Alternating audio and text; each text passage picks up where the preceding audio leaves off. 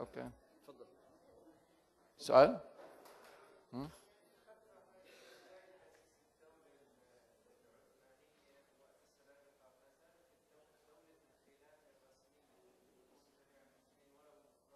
مم.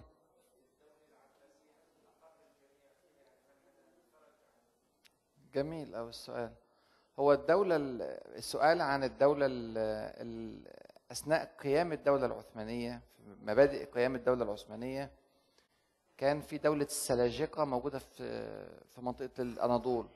بيقول الخلافة التي كانت تضم المسلمين كمسلمين ولو بشكل اسمي كانت الخلافة العباسية كانت ما زالت الخلافة العباسية.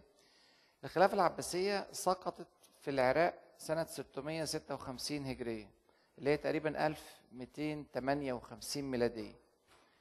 قبل ظهور الدولة العثمانية بحوالي 40 50 سنة تمام؟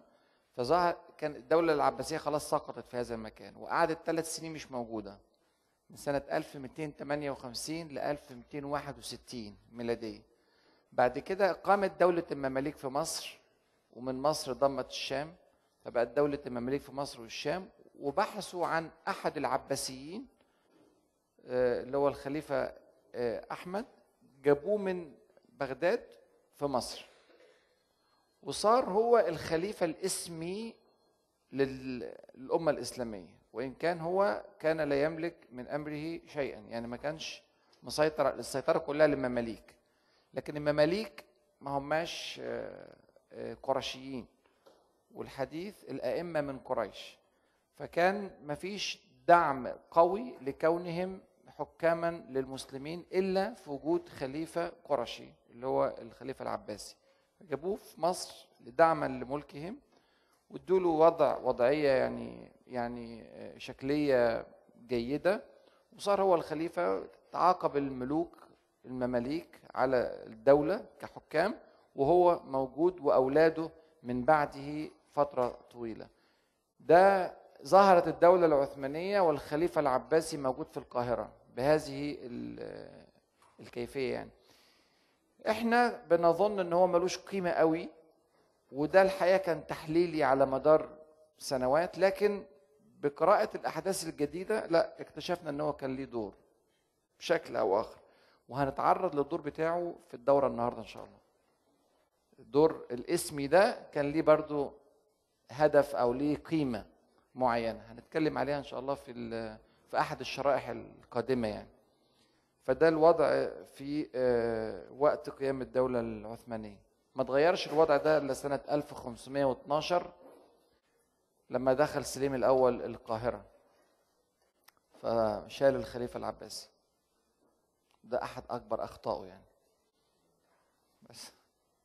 حد ليه أسئلة تانية خاصة باللي فات؟ آه.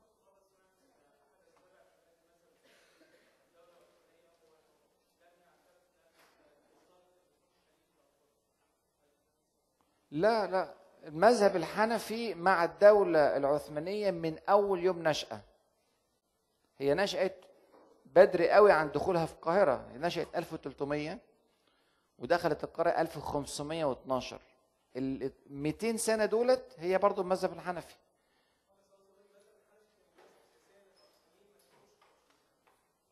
أنا فاهم. أنا قصدي أقول إن هم ممكن يكون توافق قدرا إن هذا مع هذا. لكن هم مش متعمدين ياخدوا الحنفي علشان بيدعم رؤية معينة لأن الأتراك بكاملهم أحناف. ما عندهم مذهب تاني أصلا. يعني حتى أي قاعدة شرعية موجودة في مذهب الحنابلة أو المالكية أو الشافعية غير مقبولة عندهم أصلا. ولحد دلوقتي الأتراك والباكستان الهنود كل الشرق هذا كله حنفي. عندهم النقشبندية بس ما هياش كبيرة. الطرق الكبيرة عندهم المولوية والبكتشية دول أكبر طريقتين. المولوية كانت خاصة بالصفوة. الناس ال- الإليت في الدولة الحكام والاقتصاديين الكبار و والبكتشية لعامة الناس. ما زالت موجودين. ما زالت موجودين و ليهم مد... غير إيه؟ كونيا مالها؟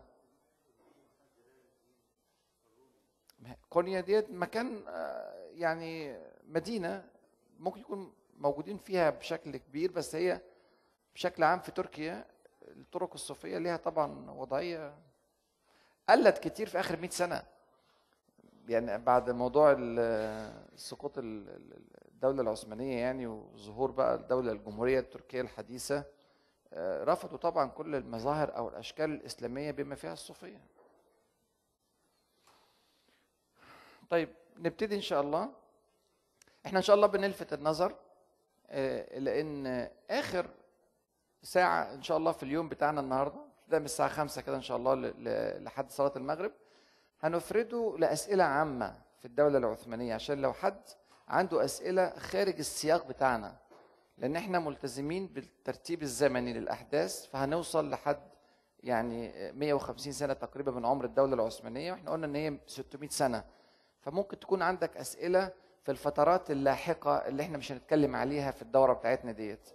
ان شاء الله هنبقى نبقى نعمل دورة جديدة بعد فترة يعني إن شاء الله ما تكونش بعيدة نتكلم فيها على القسم الثاني من الدولة ال- العثمانية.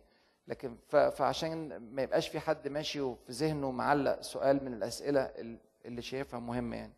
امبارح إحنا وقفنا عند رائعة كوسوفو اللي هي سنة 1389 1389 يعني بعد حوالي تقريبا 90 سنة من نشأة الدولة العثمانية. إحنا في امبارح اتكلمنا على 90 سنة وطبعا اتكلمنا على 50 60 سنة قبل النشأة. وذكرنا الأسماء العظيمة التي مرت في تاريخ الدولة العثمانية في بداية نشأتها زي عثمان وطبعا ابوه أرطغرل وذكرنا ابن عثمان اللي هو أورخان وابن أورخان اللي هو مراد الأول. وإحنا في عهد مراد الأول دلوقتي. فرائعة كوسوفو إن حصلت بسبب هزيمة وهي أول هزيمة للدولة العثمانية في خلال التسعين سنة كلها أول هزيمة حصلت في البوسنة وكانت هزيمة محدودة لأنها كانت لفرقة من الجيش العثماني ما هيش كل الجيش العثماني. الهزيمة ديت شجعت الصرب شجعت البوسنة على تقويم جيش لحرب الدولة ال- ال- العثمانية مع إن كان في اتفاقية تبعية. يعني صربيا لما دخلت في هذه الحرب خلفت الاتفاقية وهذا أمر متكرر في علاقة الدول الأوروبية بالدولة العثمانية. ما في شيء اسمه مواثيق ولا عهود بالمرة. في منتهى البساطة بينقض أي عهد من طرف من الطرف الأوروبي. وهنشوف دلوقتي بعض إن شاء الله في الشرائح القادمه بعض الشهادات الغربية لهذا الأمر. أن النقد دائما كان يأتي من الطرف الغربي ولا يأتي من الطرف العثماني.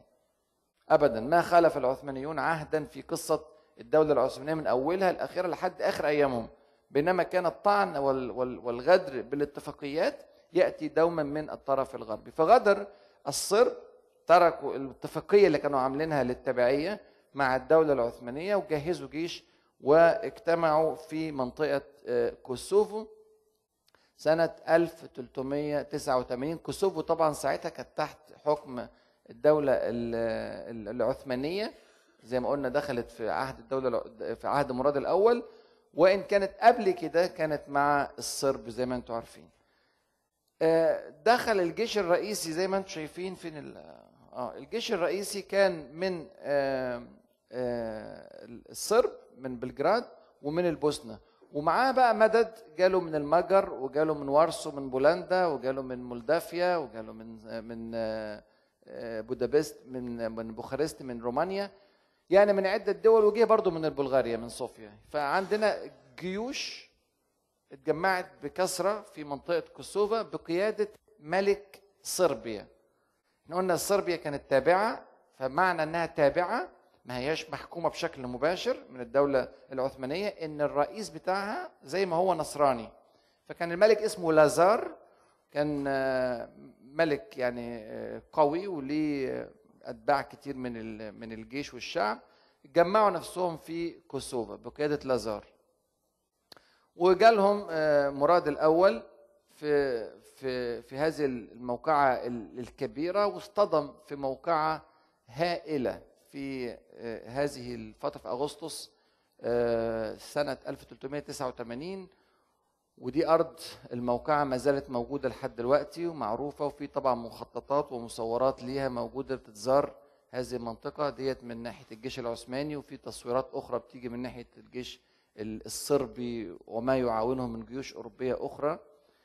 آه، وتمت الموقعة سبحان الله دارت الموقعة على مدار 8 آه، ساعات وهي موقعة مشهورة جدا في التاريخ الأوروبي. الصورة ديت أحد الصور الموجوده في المتاحف الأوروبية كتير جدا جدا بتصور موقعة كوسوفا دي علامة من العلامات في تاريخ صربيا تحديدا وفي تاريخ أوروبا بشكل عام. آخر معركة حصلت مفاجأة. طبعا المعركة استمرت 8 ساعات. اكتساح يعني رهيب للدولة العثمانية. انتصار مهول. تقريبا الجيش الصربي يعني آه، خسر خسارة هائلة. طبعا الجيش البوسني والجيوش الأوروبية الاخرى الأخرى. فتحقق آه، الإعادة الثانية لفتح كوسوفا وبدأت كمان الجيوش العثمانية تخش أبعد من كده. لكن المفاجأة اللي حصلت في آخر الموقعة هنأجل الكلام عنها شوية لحد ما نجاوب على بعض الأسئلة كده. أسئلة ممكن تحيرنا مع هذا الفتح الكبير اللي عملته الدولة العثمانية. إحنا قلنا إن الدولة العثمانية دخلت لحد دلوقتي. إحنا بنتكلم 90 سنة بس في عمر الأمة أو عمر الدولة يعني. دخلت للدولة البيزنطية خدت منها أجزاء. دخلت اليونان دخلت آه، بلغاريا دخلت رومانيا دخلت مقدونيا دخلت آه، آه، كوسوفا دخلت صربيا دخلت ألبانيا دخلت شرق البوسنة. في غضون فترات محدودة للغاية مساحة بقت بهذه الحجم الرهيب. كيف؟ كيف تكرر انتصار العثمانيين 37 مرة في 27 سنة الأخيرة؟ انتصارات 37 انتصار في 27 سنة. ده شيء برضو جد لافت للنظر جدا في تاريخ الدولة العثمانية وفي الكتابات الأوروبية هم مستغربين من هذا الوضع. إزاي في دولة تنتصر 37 انتصار في غضون 27 سنة؟ اللي هي اللي هي حياة مراد الأول. كيف أدار العثمانيون هذه المساحات الشاسعة من الأرض؟ هم أصلا زي ما قلنا عيلة صغيرة كلها أفراد عدد قليل جدا اداروا إزاي مساحات وكلها مساحات جديدة. يعني ما دخلها المسلمون في تاريخهم قبل ذلك. دي كلها أراضي جديدة وأراضي ذات طبيعة جغرافية صعبة للغاية.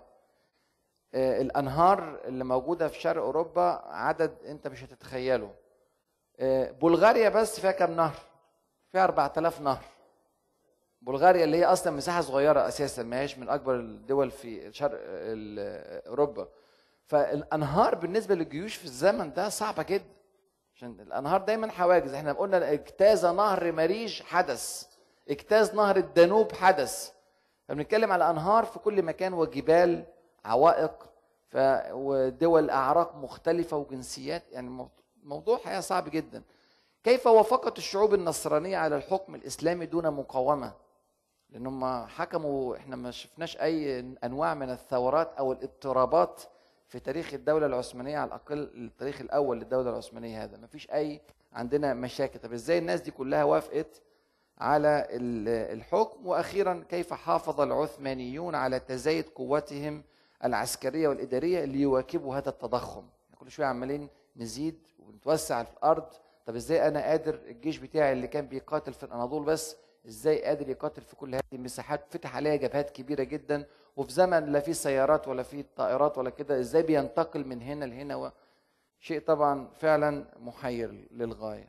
السؤال الأول كيف تكرر انتصار العثمانيين 37 مرة في 27 سنة؟ الغرب بيقول قانون الصدفة. ده موجود في التحليلات الغربية كتير جدا إن هو تعاملت أو تفاعلت أمور مختلفة صدفة فحصل هذا النصر المتكرر. مثلا بيقولوا الطاعون الفوضى السياسية في صربيا وبلغاريا الحروب بين بيزنطة وجنوة والبندقية و و و أسباب كثيره جدا. إن هذه الأسباب تجمعت مع بعضها فاضعافت شرق أوروبا جعلته منهك للغاية فدخل العثمانيون ببساطة و هتلاقي التفسيرات ديت هي موجودة عند تفسير الفتح الإسلامي الأول هتلاقيها موجودة عند انتصارات الرسول صلى الله عليه وسلم. أي تفسير أي عدد قليل ينتصر عدد كثير لازم يجيب لك موضوع قانون الصدفة ده. إحنا طبعا قانون الصدفة هذا لا نقبله. يعني إحنا مش مش منطقي. حتى تحليلاتنا إحنا كإسلاميين أو كقراء للقرآن الكريم أو السنة المطهرة ما عندناش إحنا ال- الكلام ده كله. إنما هذا كله بترتيب أو بإعداد معين. النصر المتكرر عندنا ده كان سببه قوة الإيمان الكبيرة عند المجموعة اللي بنت الدولة العثمانية في بداياتها اللي هم مجموعة عثمان أو أرطغرل قبليه وبعدين عثمان وبعدين أرخان وبعدين مراد الأول وبعدين اللي هيجي بعد كده يعني أكثر من من من شخصية ليها هذه الصفة. الحاجة الثانية وحدة الصف المسلم اللي إحنا ضغطنا عليها كذا مرة. قلنا إن أكثر من مرة كان عثمان وكان أرخان وكان آه، آه، مراد الأول يتجنب تماما القتال مع المسلمين. ولو حصل بينهم خلاف دائما يبدي موضوع العفو وإن هو يحاول يحل الموضوع بالطرق الدبلوماسية والسياسية. وكل ال- الإمارات التركية اللي دخلت وانضمت للدولة العثمانية دخلت بكامل إرادتها دون أن يرفع في وجهها سيف. وحتى لما إمارة قرمان تعدت على الدولة العثمانية والدولة العثمانية انتصرت عليها في الآخر عفى عن زعيمها وما حصلش مشاكل.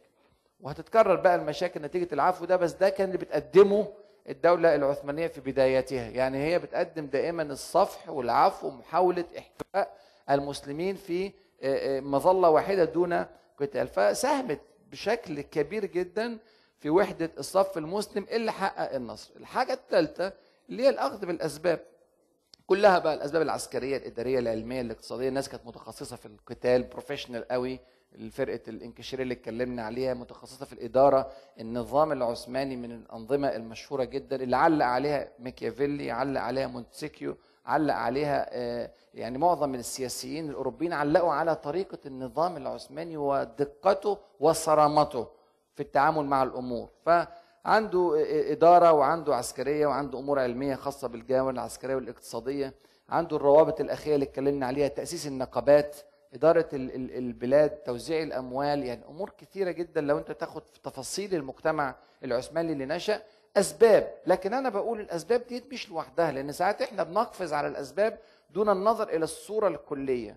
القرآن الكريم ذكر لنا موضوع النصر اللي كان موجود في آه، آه، بدر واللي موجود في غيرها من المواقع وذكر لنا موضوع المصيبة اللي حصلت في أحد وغيرها من المواقع فبيديني إشارات وعلامات إزاي المسلمين ممكن يحققوا نصر متكرر بهذه الصورة. طبعا الدولة العثمانية كانت رافعة الراية الإسلامية بوضوح وكانت حريصة جدا على الصبغة الإسلامية. واللي حريص على الصبغة الإسلامية محتاج الثلاث عوامل دول عشان يحقق النصر. أما لو تخلى المسلمون عن الراية الإسلامية وكان المنطلق بتاعهم علماني فممكن ينتصروا بقى زي ما تنتصر بقية الأمم. يعني يمكن وكل حاجة بس ما يدعيش إن هو بيمكن باسم الإسلام. ساعتها ممكن يحصل له ال- التمكين بموضوع الأسباب فقط زي ما بيحصل مع أي دولة من دول العالم كله. لكن لأن الدولة العثمانية كانت رافعة الراية الإسلامية فكان لازم لا تعز إلا باتفاق الثلاث عوامل دولت مع بعضهم.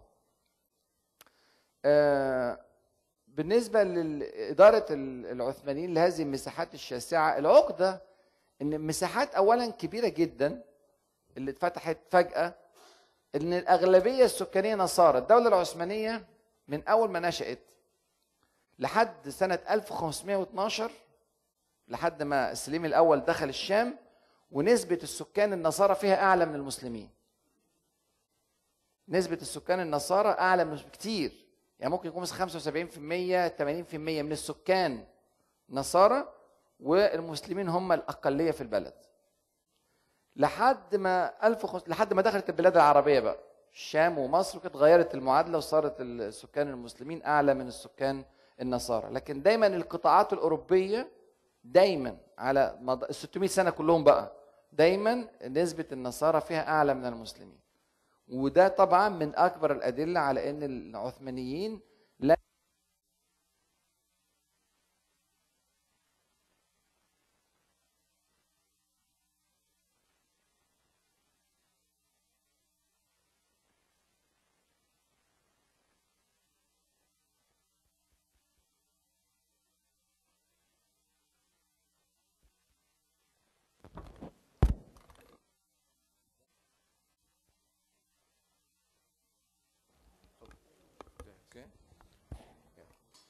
طب اقفل ده فالأغلبية السكانية النصرانية دي طبعا مشكلة. الدولة القيادة إسلامية والشعب نصراني ممكن يحصل كونفليكت أو صراع ما بين الشعب والحكومة بشكل متكرر ودوري. الكثافة السكانية العالية لأن منطقة شرق أوروبا ديت كان فيها كثافة كبيرة وأعراق كتيرة. يعني أنت إحنا بنظن إن هو شرق أوروبا كله نصارى أرثوذكس لكن الأعراق مختلفة وكان بينهم أصلا صدامات. اليونانيين يكرهوا جدا السلاف السلاف اللي هم البلغاريين والصربيين يكرههم جدا. والألبان عندهم مشاكل كبيرة جدا مع الصربيين. والبوسنويين والصربيين برضه عندهم مشاكل مع بعضهم. والمقدونيين لوحدهم برضه عرق لوحدهم وعندهم مشاكل مع اليونانيين. ولحد دلوقتي موجودة هذه المشاكل مع اليونانيين ومع البلغار. كل الاعراق دي كلها تحت مظلة الدولة العثمانية. وكل واحد بيتكلم لغة. شرق أوروبا كله أوروبا كلها كل واحد بيتكلم لغة. يعني كل دولة في أوروبا فرنسا هي بتتكلم فرنساوي جوه فرنسا فقط. إنجلترا بتتكلم انجلش إسبانيا بتتكلم إسباني إيطاليا إيطالي. كل دولة لها لغتها الخاصة. حتى اللغات اللي مكونه من يعني من من أخرى من لغات أخرى شبهها الكلمات فيها مختلفة كتير. فأنت وفي الآخر القيادة التركية بتتكلم لغة يعني غيرهم كلهم لغة تركية. فإدارة هذا هذه الأمور الحقيقة صعبة جدا. وكان الحل في النمط العثماني. النمط العثماني هو تكوين ولايات وتكوين نظام تبعيه ما قدروش البلاد كلها بشكل واحد. وده كان اضطرار وصل إليه العثمانيون نتيجة الفتوحات اللي عمالة تزيد في وقت محدود. إيه بقى النظام ده؟ تكوين الولايات إن هو قسم المناطق اللي بيحكمها لجزئين. جزء ولايات تدار بشكل مباشر من العثمانيين. هو شاف طاقته الإدارية ممكن تستوعب حجم قد إيه. فقال والله أنا ممكن أحكم مساحة 200 ألف كيلومتر مربع. ده يضم ثلاث أربع دول موجودين بالقرب من أدرنا أدرنا اللي هي المركز الرئيسي للدولة العثمانية بعد ما فتحها مراد الأول. فقال الدول اللي حوالين هذه المنطقة اللي هي بلغاريا مثلا اللي هي آه، منطقة آه، آه، كوسوفا اللي ورا بلغاريا منطقة شرق مقدونيا المناطق القريبة مننا هنحكمها بنظام الولايات. هيبقى في والي عثماني على هذه البلد وإدارة عثمانية بتحكم هذه البلد محافظين مقسمينها مدن ومقسمينها قرى وعاملين قطاعات وكان عندهم إحصاء رهيب لدرجة إن عندنا إحصاء في الوثائق العثمانية لكل قرية فيها كم بيت. فيها كم بيت الشارع ده في كم بيت و يعني بالبيوت. آه في هذا الوضع العمق في التاريخ كان عندهم هذا الموضوع. فكان بيعملوا هذه نظام الولايات. والجيوش اللي فتحت هذه البلاد والفرسان و بيدوهم إقطاعيات في داخل هذه البلاد فبيتمركزوا. بيحصل نوع من التتريك. تتريك يعني أتراكت أو آه، جعلها تركيا إلى حد ما. فبيعيشوا في هذه الأماكن وبيحاولوا يغلبوا النسبة بتاعتهم وبتاعة المسلمين في هذه البلاد على قد ما يقدروا كسكن في هذه. فدي البلاد اللي بتدار بشكل مباشر. كل ما كانت الولاية مهمة كانوا بيخلوها داخل نظام الولايات هذا.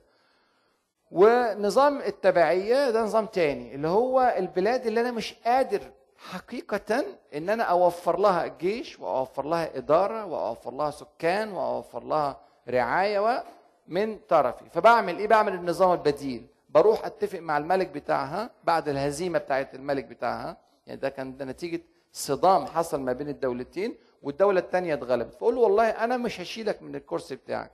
أو أجيب واحد تاني لو كان هذا الملك معادي بشكل كبير بجيب واحد تاني من العيلة المالكة من اللي بيقبلوا الشعب هناك على على هو طبعا الوضع العثماني عايز استقرار مش عايز الشعب أصلا يكون ثائر على اللي جابه له. فبيجيب واحد محبوب في دولته وبيعمل معاه هذه الاتفاقية إن أنت بتتبع الدولة العثمانية. فبتكون مفيش ولا واحد عثماني في هذه الدولة.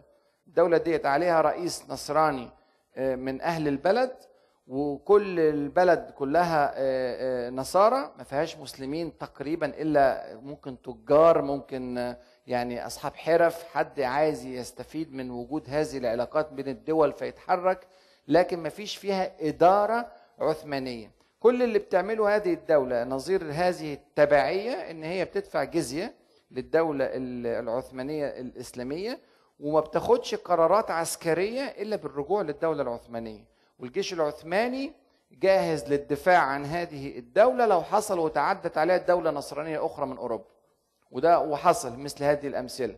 المجر مثلا كانت بتتعدى على صربيا تتعدى على رومانيا. الجيش العثماني يروح يدافع عن المجر أو يدافع عن آه، آه، آه، رومانيا أو يدافع عن صربيا لأنها تبع وهي تابعة له يدافع عنها. وبعدين بعد كده هو إيه؟ يخرج الجيش تاني بعد ما يحقق الانتصار. ده نظام التبعية. طبعا النظام ده اضطر إليه العثمانيون لكثرة البلاد المفتوحة. لكن لا شك إن هذا النظام جعل تبعية هذه البلاد أضعف من تبعية الولايات. لأن ما فيش فيها مسلمين بالمرة وما فيش فكثيرا ما كان يحدث أن تنقلب زي ما في قصة كوسوفا كده. صربيا كانت تابعة. من الدول اللي هي تحت التبعية ديت. وبعدين مجرد ما جت فرصة ولقوا الدولة العثمانية اتغلبت في موقعها في البوسنة قام على طول مغيرين النظام والاتفاقيه اللي كانوا عاملينها مع الدولة العثمانية لغوها وجهزوا جيش عشان يحاربوا الدولة العثمانية. وعندهم كل إمكانياتهم داخل دولتهم كلهم نصارى في نصارى. فبيجمع نفسه بيحارب فنظام التبعية كان مخلي فيه نوع من الضعف في إدارة هذه الأماكن نسبي. لما بتضعف الدولة العثمانية شوية بتحصل لنا مشاكل من البلاد اللي فيها تبعية. والدولة العثمانية كانت بتغير أحيانا. يعني دولة تابعة لما تتكرر مشاكلها كل شوية بتنقلب مثلا كل شوية يوم جاي إيه قلبها لولاية. حط بقى ولي عثماني ويجيب جيش عثماني وخلاص يسيطر على البلد بالجيوش العثمانية. اتفضل يا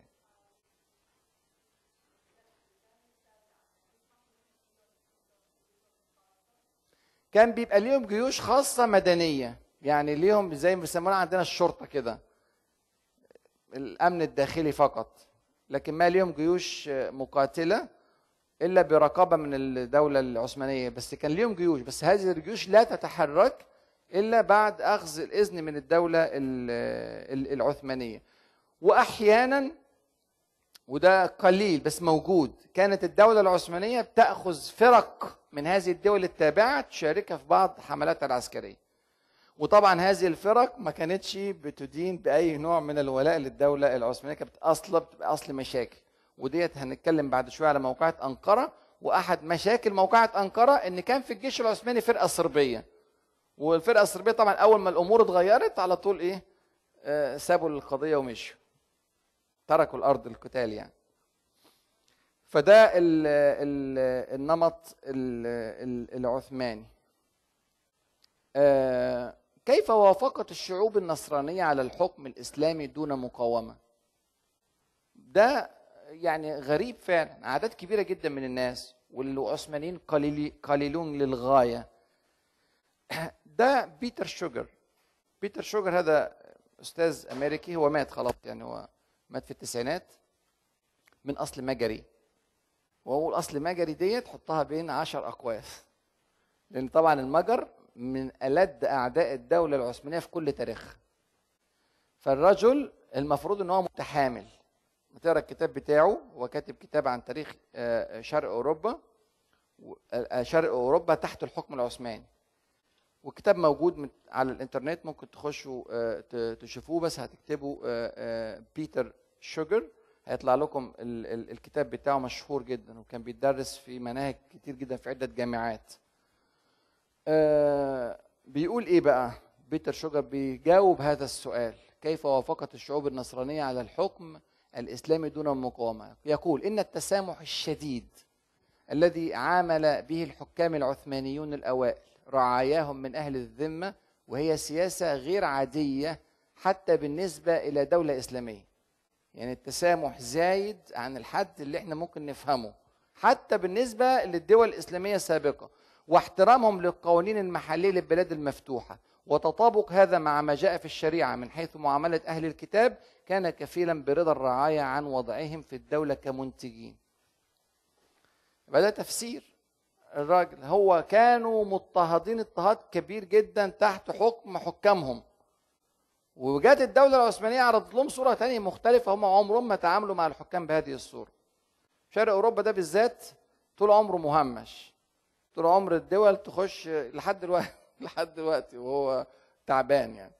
فالدول تخش تاخد منه material ال material دي بني آدمين يعني. وتاخد منه زراعة وتاخد منه إنتاج و و لصالح طائفة قليلة جدا من الحكام. سواء الدولة الرومانية الدولة المقدونية دولة الحيثيين دولة أي حد سيطر على هذه المنطقة ده كان التعامل معاه. الأصل إن الشعب من الرقيق.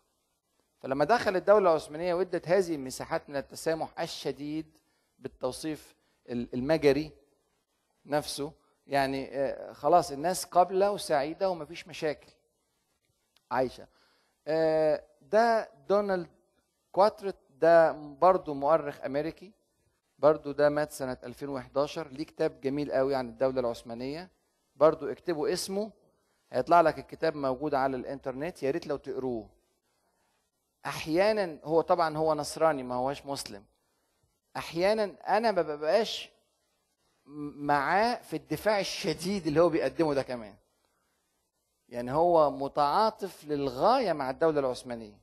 بعد ما قرأ تاريخ الدولة العثمانية الراجل كتب كتاب أنصف فيه الدولة العثمانية بشكل كبير للغاية. قال بعد بيرد على إن في ناس بتتهم الدولة العثمانية بالقسوة في معاملة النصارى. قال والحق أن معاملة الإدارة العثمانية لرعاياها لا يمكن وصفها بأنها قاسية. فالنظام السياسي العثماني كان يقضي بعدم التعرض للناس في ممارسة شعائرهم الدينية سواء كانوا من النصارى أو اليهود. ولا غرو فالإسلام يقوم على مبدأ التسامح مع أهل الكتاب والدين الإسلامي يحض على حماية الذميين في البلاد المفتوحة. دي شهادة أمريكية من مؤرخ شغلته هذا الموضوع. الكتاب بتاعه برضه موجود ومشهور و آه، يعني أدعوكم جميعا لقراءة هذا ال- الكتاب. موجود طبعا باللغة العربية مترجم ومطبوع وموجود باللغة الإنجليزية هنا في أمريكا في أمريكا. آه، نعم؟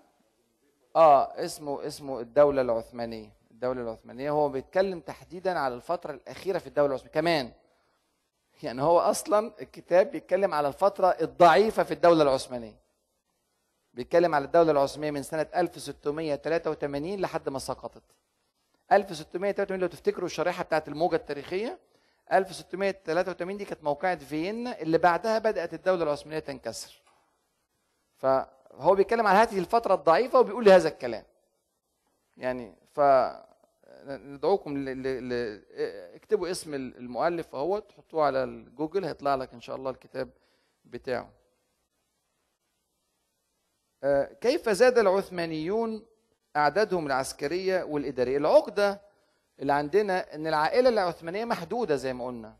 أفرادها قلي- قليلون للغاية. والحاجة الثانية الأمراء الأتراك منافسون. يعني هو هيستعين بأمير آه، منشا ولا أمير تكة ولا أمير كرمان ولا كلهم أصلا منافسين للدولة العثمانية. فما في اطمئنان كافي لإعطاء ولايات لهؤلاء المنافسين. وما بتيجي فرصة للانقلاب على الدولة العثمانية بينقلبوا.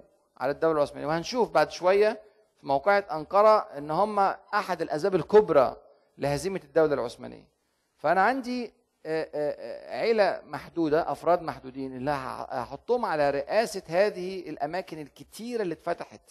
هحط عليها مين؟ العائلة العثمانية محدودة والأمراء الأتراك أنا مش مطمن ليهم اللي معانا. وفي صعوبة استخدام أتراك الشرق. بسبب الدولة التيمورية. إحنا قلنا لو تفتكروا في شريحة سابقة إن تيمور لانك ظهر في نفس الوقت اللي ظهر فيه مراد الأول. فتيمور لانك شغال في شمال الهند ومنطقة وسط آسيا بيعمل دولته. الدولة دي لما قامت صارت حاجز فاصل ما بين الشرق اللي هو ناحية الصين وما بين الغرب اللي هي ناحية الأناضول.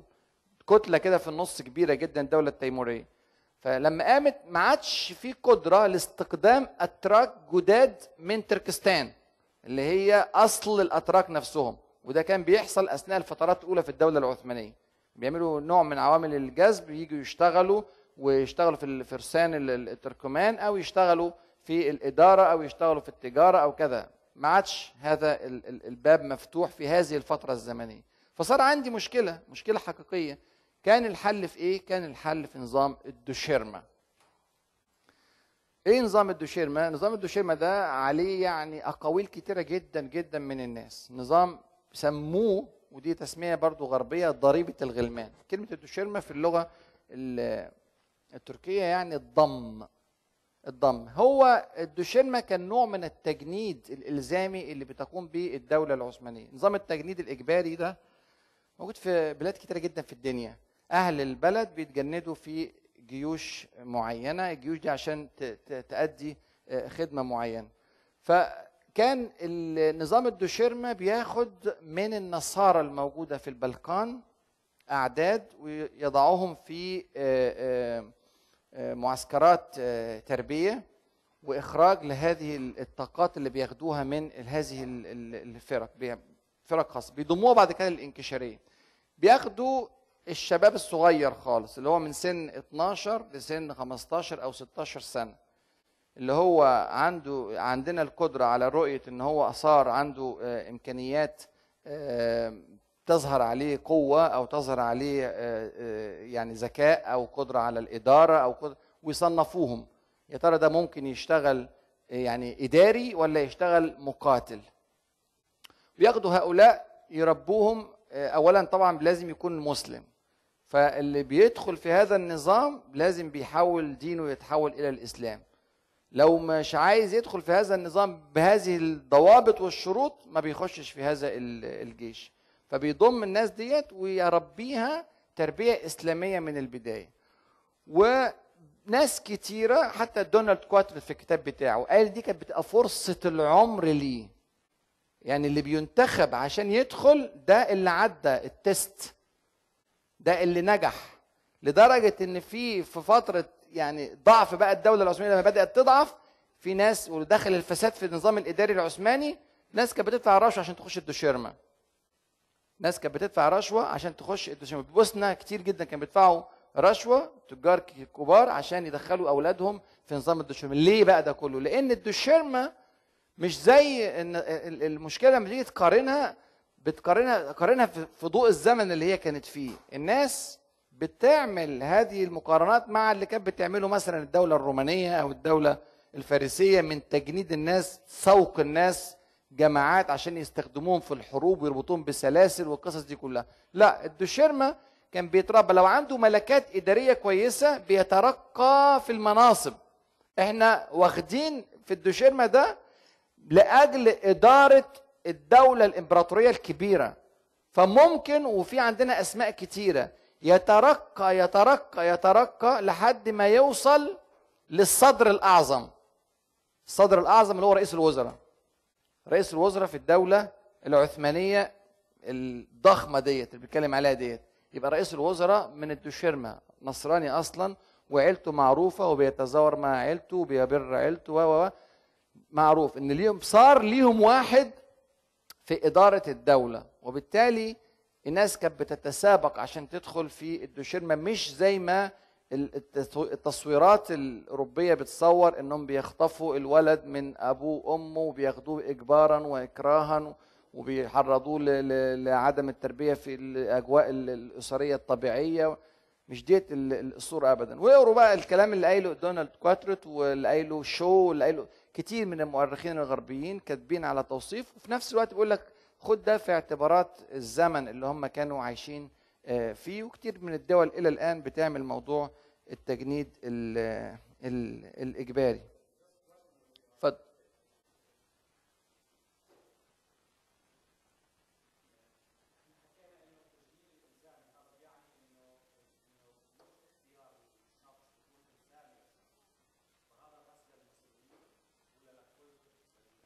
لا هو ما كانش في في النظام ده ما كانش بي ما كانش كان معظمه قائم على النصارى الموجودين في شرق أوروبا.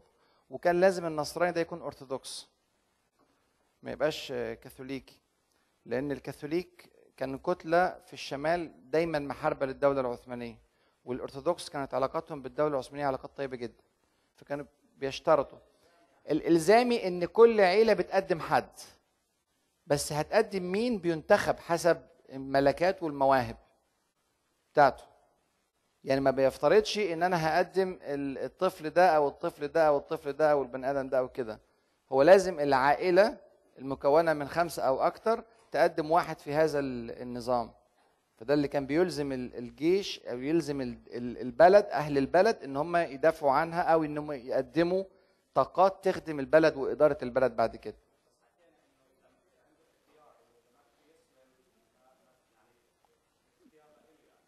آه ما في آخر أواخر الدولة العثمانية صار الموضوع إلزامي. في الأول كان اختياري. واصلا القصة دي كلها قعدت حوالي 100 150 سنة واوائل القرن السابع عشر 1600 وشوية وقف نظام الدوشيرما لأن كترت قوي الأعداد اللي موجودة وما كانوش وهو ساعات هم كانوا بيوقفوا العمل بهذا النظام خمس سنين أو عشر سنين أو 12 سنة لكثرة العدد اللي موجود. مش محتاجين إحنا أكتر من كده. وزي ما قلت لك إن ده هم كانوا بيعتبروها فرصة. يعني الناس ما كانتش بتتهرب من هذا الموضوع. الناس كانت سعيدة بهذا القانون وبتقدم واحد أو اتنين عشان هم حتى كانوا بيعملوا ليميتيشن لو الأسرة آه، خمسة ممكن تقدم واحد لو عشرة تقدم اتنين على يعني واحد في الخمسة. مش مش أي أسرة ممكن تقدم خمسة أولادها أو ثلاثة أولادها أو كده. عشان بيدي مساحة أو أو يعني فرصة لكل الشعب اللي, طبعا في الشو في الوقت ده في الدنيا كلها في كل العالم ما كانش بيحكم غير العيله الحاكمة. يعني العيله الحاكمة فقط هي اللي بتحكم والمقربين منها. فأن تعطى الفرصة لأبناء الشعب العاديين جدا جدا اللي هم أصلا بلادهم مفتوحة من دولة تانية إن هو يترقى عشان يبقى رئيس جيش قطاع يبقى محافظ في في ولاية أو يبقى يوصل لحد ما يبقى الوزير الأعظم. فده كان بالنسبة لهم آه، شيء هم مش فاهمينه ولا عمرهم هيوصلوا له. كعائلات فقيرة موجودة في دولة من الدول دولة ال- اليونان ولا صربيا ولا عائله فقيرة موجودة فلاحين موجودين في هذا المكان. ما عندهمش احتمالية إن ابنهم يبقى في يوم من الأيام وزير حربيه نو no يعني حتى لو عايش في دولته في وسط أمرائه. فجات له إيه فرصة زي كده. وخاصة إن دولت نظام الدوشيرما كان بينفق عليهم أموال ضخمة جدا للتربية لأعلى مستوى أعلى مستوى إداري وقيادي امور القيادة وأمور ال- ال- الحرب حسب ملكاته ومواهبه. وكان آه، آه، برضو بيتعلموا الدين الإسلامي بالذات في الأوائل أيام الدولة العثمانية. فكان عندهم برضو رؤية إسلامية وبعد هم اللي فتحوا القسطنطينية وهم اللي عملوا يعني الشغل اللي جه بعد كده.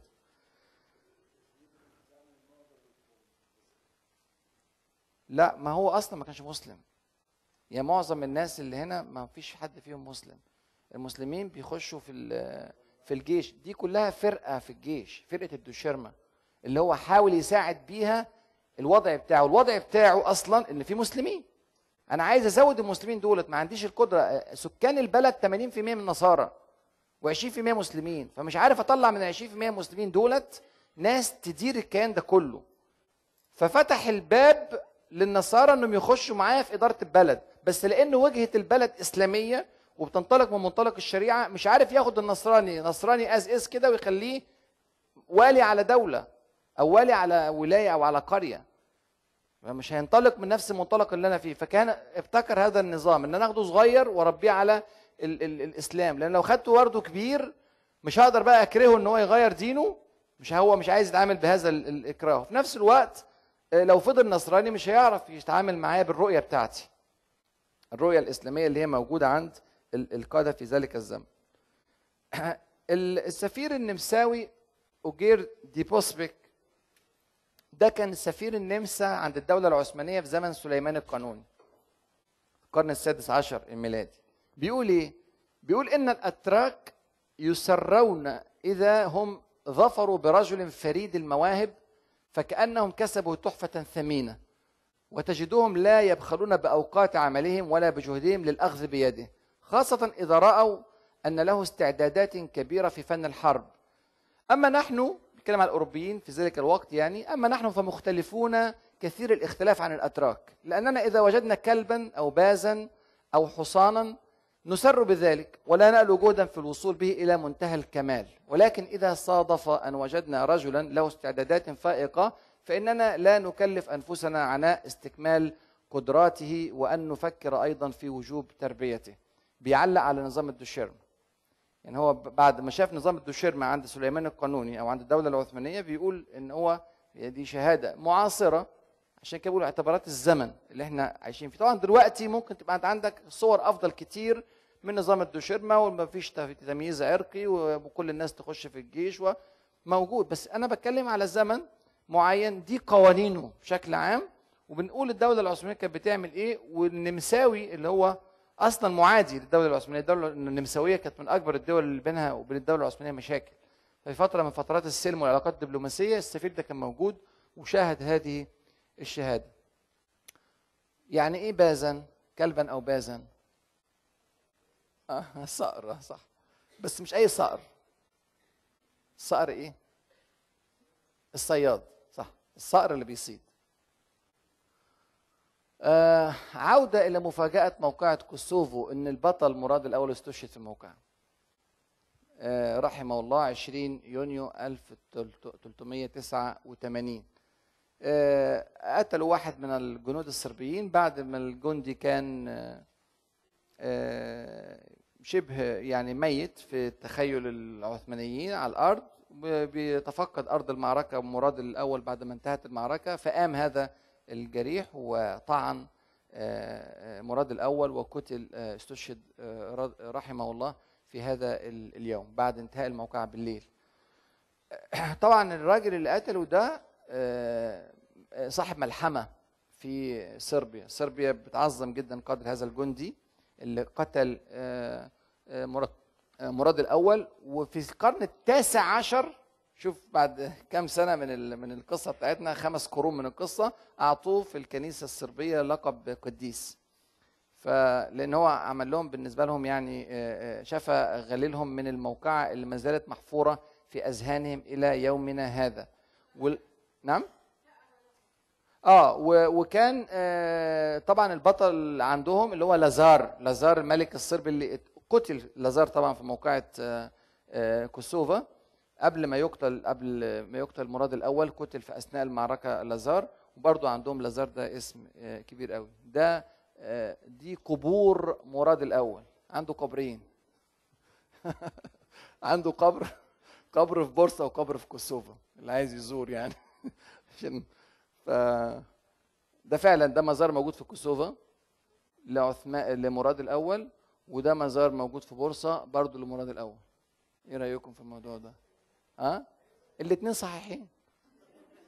إيه في مشكلة؟ ده قبره فعلا وده قبره فعلا وهو موجود هنا وهو موجود هنا. مش إحنا بنتكلم على الصوفية؟ ففي حاجات كتيرة. لا هو فعلا موجود في الاثنين كويس عملنا شيء من الحراك عشان تخشوا على صلاة الظهر. أجاوبكم وافسر لكم بعد صلاة الظهر بقى إن شاء الله. هو استشهد في أرض كوسوفا.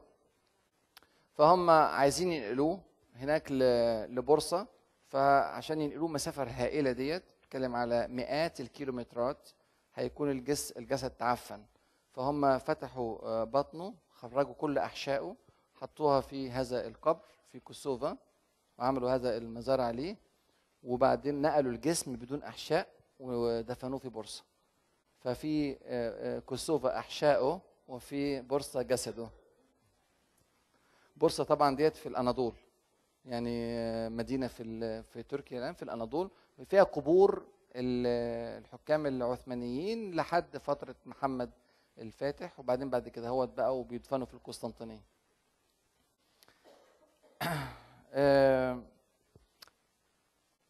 جازي مستان ده في أرض كوسوفا في أرض كوسوفا في أرض المعركة نصب تذكاري لتخليد الموقع. أنا أول ما شفته طبعا قلت أكيد قبر مراد الأول موجود تحتيه مش كده؟ لأن يعني إيه جازي مستان؟ جازي كلمة كلمة جازي يعني غازي. كويس؟ جازي غازي. كويس؟ باللغة الصربية. ومستان يعني بليس فده مكان الغازي أو مكان البطل.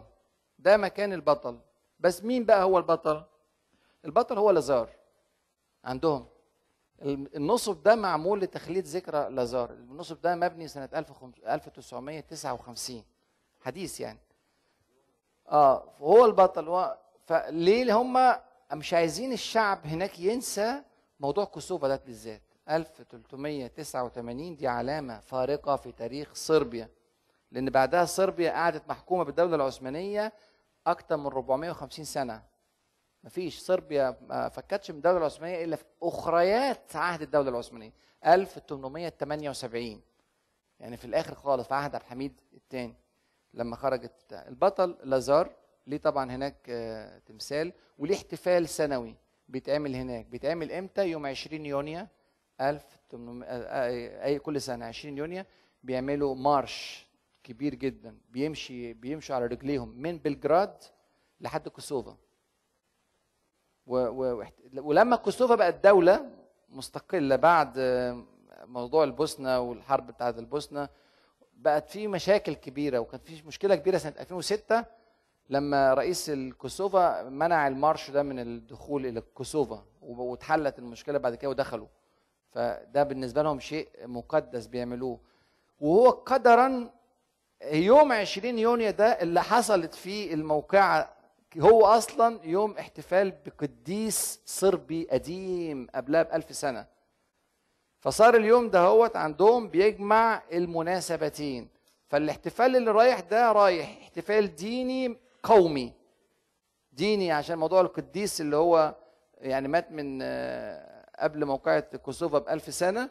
وعشان موضوع موضوع كوسوفا وبيجمعوا الاثنين مع بعض ويبقى الثيم بتاع ال ال هذا ال meeting هو أو هذا اللقاء الكبير بيعملوه هو التحفيز ضد المسلمين أو ضد ده سلوبودان ميلوسوفيتش سنة 89 هذا هو بيخطب هنا وسط مليون واحد. الخطبة ديت خطبة بيسموها الخطبة المقدسة. خطب فيهم سنة في ذكرى مرور ست قرون على موقعة كوسوفا.